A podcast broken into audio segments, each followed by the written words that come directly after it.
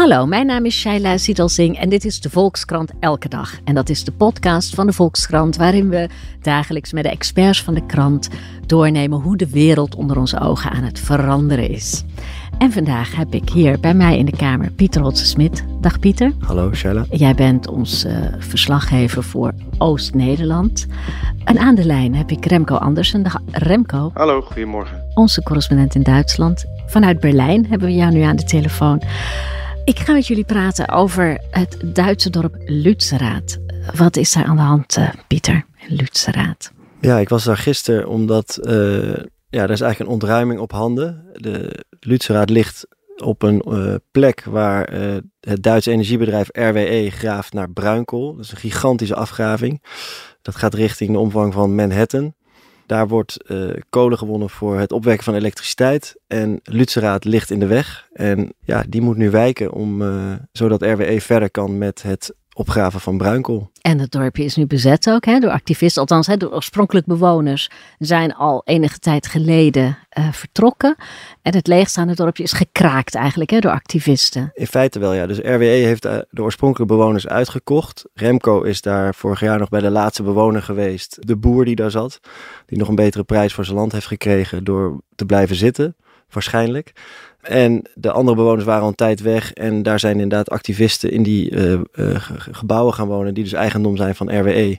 En die wil ze slopen, zodat de graafmachines uh, verder kunnen. Ja, en het speelt al heel lang. Want een, aantal van die activisten woont er al... Twee hoe lang? jaar volgens mij. Ja, maar nu is die ontruiming aanstaande.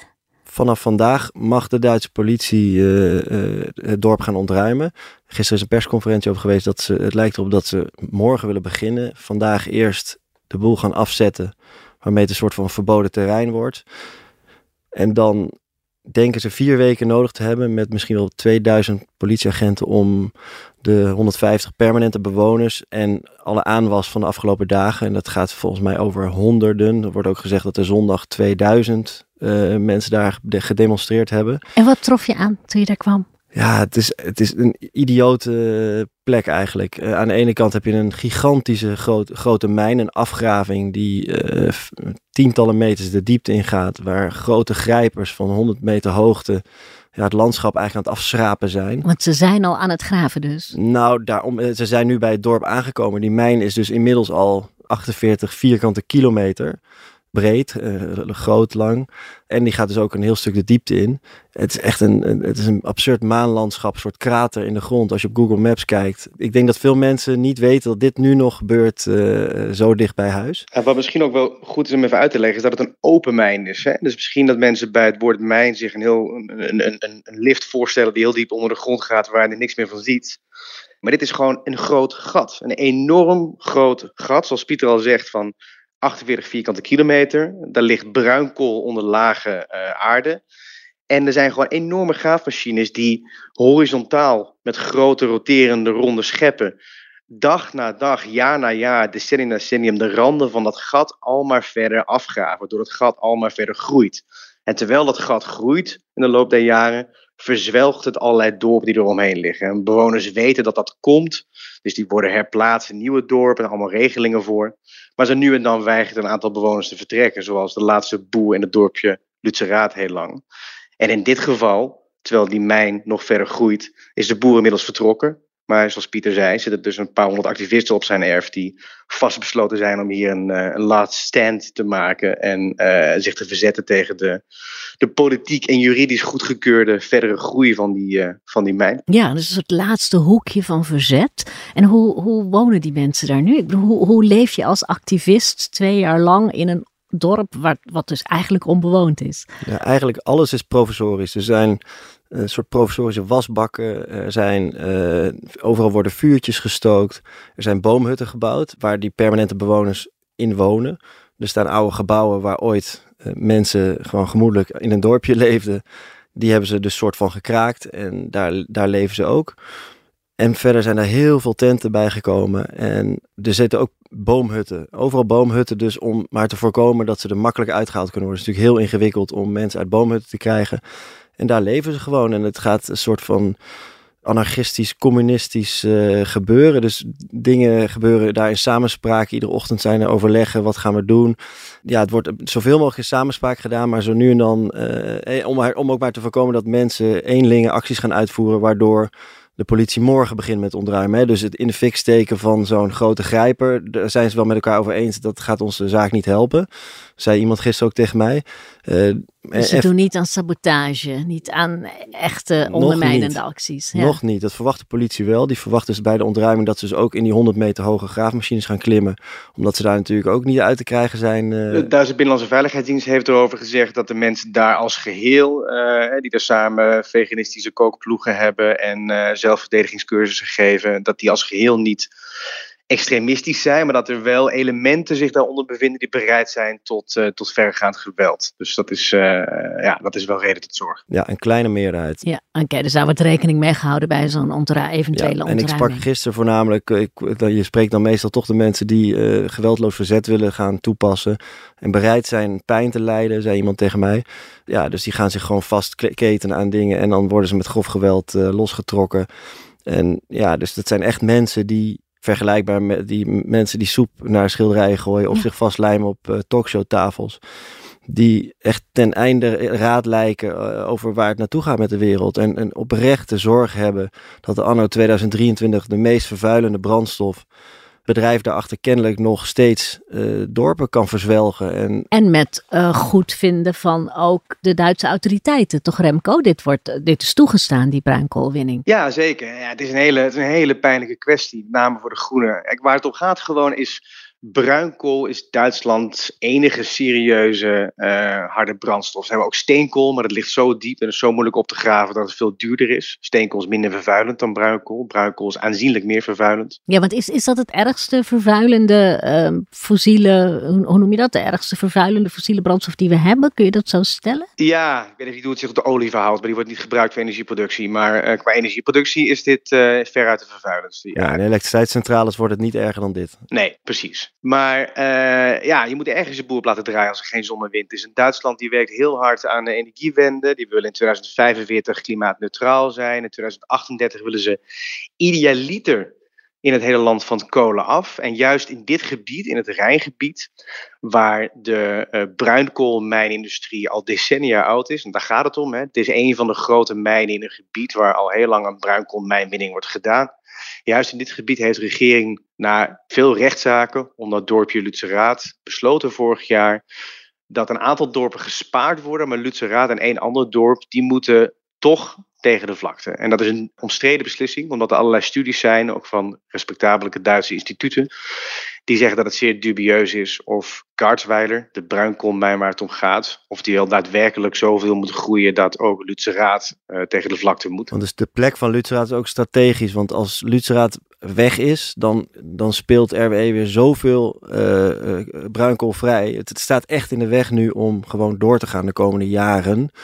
Dus dat maakt dit dorp ook wel echt zeg maar de grens die de activisten trekken voor het klimaat. Er staan ook allerlei bordjes daar van uh, dit is een uh, de klimaatdouane anderhalve graden, verwijzend naar de Parijsakkoord, ja. waar dat als maximum temperatuurstijging is vastgesteld.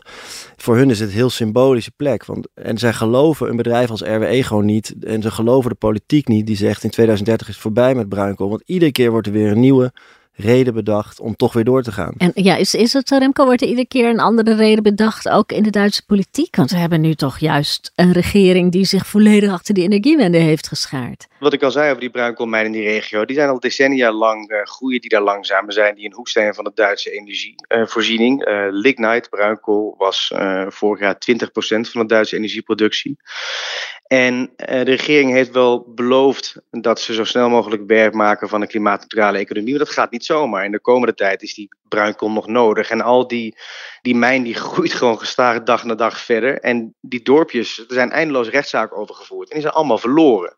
Die dorpjes mogen ontruimd worden. En nu heeft toch vorig jaar de regering onder het uh, ministerie van Economie in handen van de partij De Groene notabene, dus natuurlijk een bondgenoot natuurlijk van klimaatactivisten, heeft dus een compromis besloten waarbij helaas de Raad moet sneuvelen. En ik zal niet altijd diep op de cijfers ingaan, maar uh, volgens bepaalde berekeningen is het niet nodig voor Gardsweiler die mijn om Lutzer te verzwelgen en volgens andere berekeningen weer wel. Maar dit is wel het resultaat geweest van een lang politiek en juridisch proces waarbij uh, RWE gewonnen heeft. en dat is een heel dubieuze beslissing om verder te gaan met, uh, met die mijn. Um, maar daar heeft de regering zich nu wel achter geschaard. En voor nu houdt de regering is eigenlijk vrij stil. De Groenen, maar ook andere coalitiepartijen, die zeggen bijzonder weinig over wat er nu gebeurt in Lutzeraad. Maar er zijn wel een aantal parlementsleden van de Groenen notabene, uh, redelijke nieuwkomers, die zich bij de activisten hebben gevoegd. Dus het is een beetje de vraag hoe dat komende weken zal gaan. Maar ik denk dat de Groenen, uh, de regeringspartijen de Groenen, zullen proberen de rit uit te zitten. We hopen dat zonder al te veel kleerscheuren zometeen uh, die activisten daar verwijderd worden. Maar als we de komende weken hele pijnlijke beelden gaan zien van geweld door politie en gewonden en dergelijke ja, dan heb je best kans dat hier nog behoorlijk op de politieke agenda komt te staan. Ja, dan zou het misschien nog een splijtswam kunnen worden in de regering? Nou ja, klimaat is al een splijtswam in de regering. Je hebt uh, de, de SPD, regeringsleider, eh, onder leiding van uh, Olaf Scholz. De Sociaaldemocraten zijn dat. En je hebt de kleine coalitiepartner, de centrumrechtse FDP. Die heeft niet zoveel op met klimaatdoelen. die vindt vooral de economie belangrijk. Althans, zij zeggen zelf dat het een en ander niet in de weg staat natuurlijk. Maar... En de Groenen die, uh, die zitten erin voor het klimaat, heel duidelijk. En die twee laatste partijen staan al erg tegenover elkaar bij zo'n beetje alles wat te maken heeft met energie en vervoer en, uh, en vervuiling. En uh, als er binnen de Groenen ook nog eens een keer groeiende onvrede komt over het beleid van de regering als geheel en de groene steun daarvoor, zeker als het in Lutzeraat allemaal heel erg pijnlijk wordt de komende tijd, ja, dan heb je best kans dat dat, dat, dat voor verdere frictie zorgt in de Duitse regering. Je merkt ook dat de, dat de activisten daarop uit zijn. Die hebben gewoon de, de, de beurskoers van RWE ook bij de hand. En zien gewoon dat die nu al omlaag gaat. En dan, uh, dat vinden ze dan helemaal fantastisch. Dat, dat is onder invloed van die acties. Of dat Absoluut, zien ze als een resultaat dat, zien van hun ze acties. Wel. Ja. Dat is misschien ook wel even goed om te zeggen. Ik, ik heb zelf, voordat ik journalistiek inging, uh, uh, een tijd in het bedrijfsleven gewerkt. En dat was onder meer bij RWE. Daar Kijk. heb ik mijn baan opgezegd Full disclosure. Om de, om de journalistiek in te gaan. Omdat ik, ooit dacht ik dat ik nog op die plek uh, de wereld kon veranderen. Dat viel een beetje tegen. Uh, en ik vind dit werk ook veel leuker.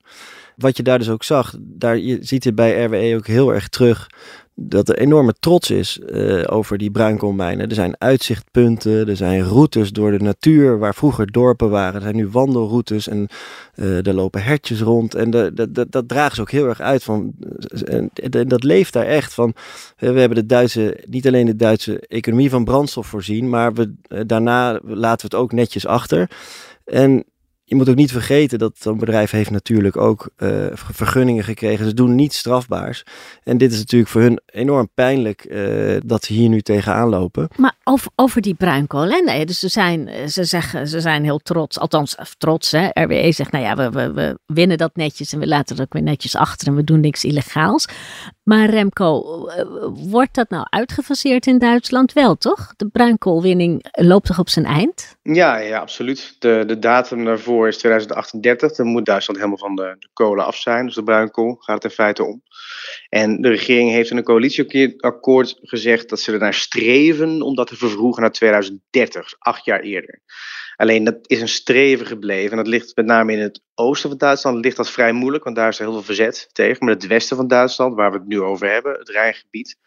Daar heeft de regering dus vorig jaar gezegd, onomwonden, uh, in de regio van de Rijn houden wij in 2030 op met bruinkoolwinning. En als onderdeel van die compromis uh, zijn een aantal dorpen gespaard, maar Lutzeraat dus niet. En wat de vrees van activisten is, is dat de, uh, ja, de energiecentrales tot 2030 nog even flink aangezet worden. Dat die harder moeten draaien. Dus dat er dan in feite onder de streep net zoveel kolen gemijnd en verbruikt zal worden als wanneer ze op een lagere intensiteit tot 2038 hadden doorgedraaid. Want bij die mijnen, vlak daarbij, daar staan ook al die elektriciteitscentrales. Dus allemaal vrij dicht op elkaar. Dus dat, dat spul wordt gemijnd en dat gaat direct de centrale in en wordt stroom van gemaakt. Zo, zo moet je het ongeveer zien. En door het wegvallen van Russisch gas de afgelopen jaar, of het veel schaarser worden van Russisch gas, is de nood voor kolenverbranding, dus eigenlijk het enige alternatief als er geen zon en wind is, en zeker zolang zon- en windenergie nog niet genoeg uitgebouwd zijn, is groter geworden. Duitsland heeft al een aantal kolencentrales die eerder afgeschakeld waren van het elektriciteitsnet, weer ingeschakeld om um, tekort energie op te vangen. Een aantal andere centrales die zijn uh, weer op een harde tempo gaan draaien. Dus ja, uh, Duitsland wil eerder van de kolen af. Het is de vraag of dat in het hele land ook lukt in 2030. In het westen van het land, rondom deze mijn, hebben ze gezegd ja, dat lukt. Maar de vrees is, en niet geheel ongegrond, dat tot die tijd de boel nog harder gaat draaien gezien het huidige energietekort. En dat er dan onder de streep nog steeds zoveel CO2 in de lucht gepompt wordt als wanneer men tot 2038 was doorgegaan. Dat is de situatie. Ja, en die oorlog eh, in Oekraïne, je noemde hem al, die heeft er uh, natuurlijk voor zorg gedragen dat een heel groot deel van het Russisch gas niet meer binnenkomt in Duitsland. Is Duitsland nu ook actief op zoek naar alternatieven? We de Duitse minister in Qatar zien uh, knipmessen voor dat uh, LNG. lukt dat nou een beetje om alternatieven aan te boren? Nou ja, dat, dat, dat, dat kost tijd natuurlijk, zo'n infrastructuur. Maar zeker voor gas. dus ja, voor gas zijn ze op zoek naar alternatieven. en gas was al een een alternatief voor kool. Duitsland wil in 2045 klimaatneutraal zijn. Dat is een enorm streven. Ze willen in 2030, als ik niet vergis, willen ze, kan ook 38 zijn, hou me goede, willen ze 80% van de energieverbruik uit uh, hernieuwbare bronnen hebben. Maar gas speelde bij een cruciale rol als overbruggingsbrandstof. Dus het idee was altijd: oké, we hebben nog niet genoeg zonne- en windenergie. We willen zo snel mogelijk van de kolen af. Kolen is vervuilend, gas is ook vervuilend. Gas is wel veel minder vervuilend dan kolen en zeker veel minder vervuilend dan bruinkool. Dus dat gat tussen hernieuwbare energie, die gaan we als een gek bijbouwen, heeft Duitsland gezegd. We willen alle daken in het land die het kunnen dragen van zonnecellen voorzien. We willen 2% van de landoppervlakte met windmolens bedekken. Maar dat kost allemaal tijd. En zolang dat nog niet zo ver is, en we willen minder kolen verbruiken, hebben we gas nodig. Gas als overbruggingsbrandstof. En daartoe is er een strategie om allerlei kleinere centrales te bouwen die op gas draaien om pieken op te vangen.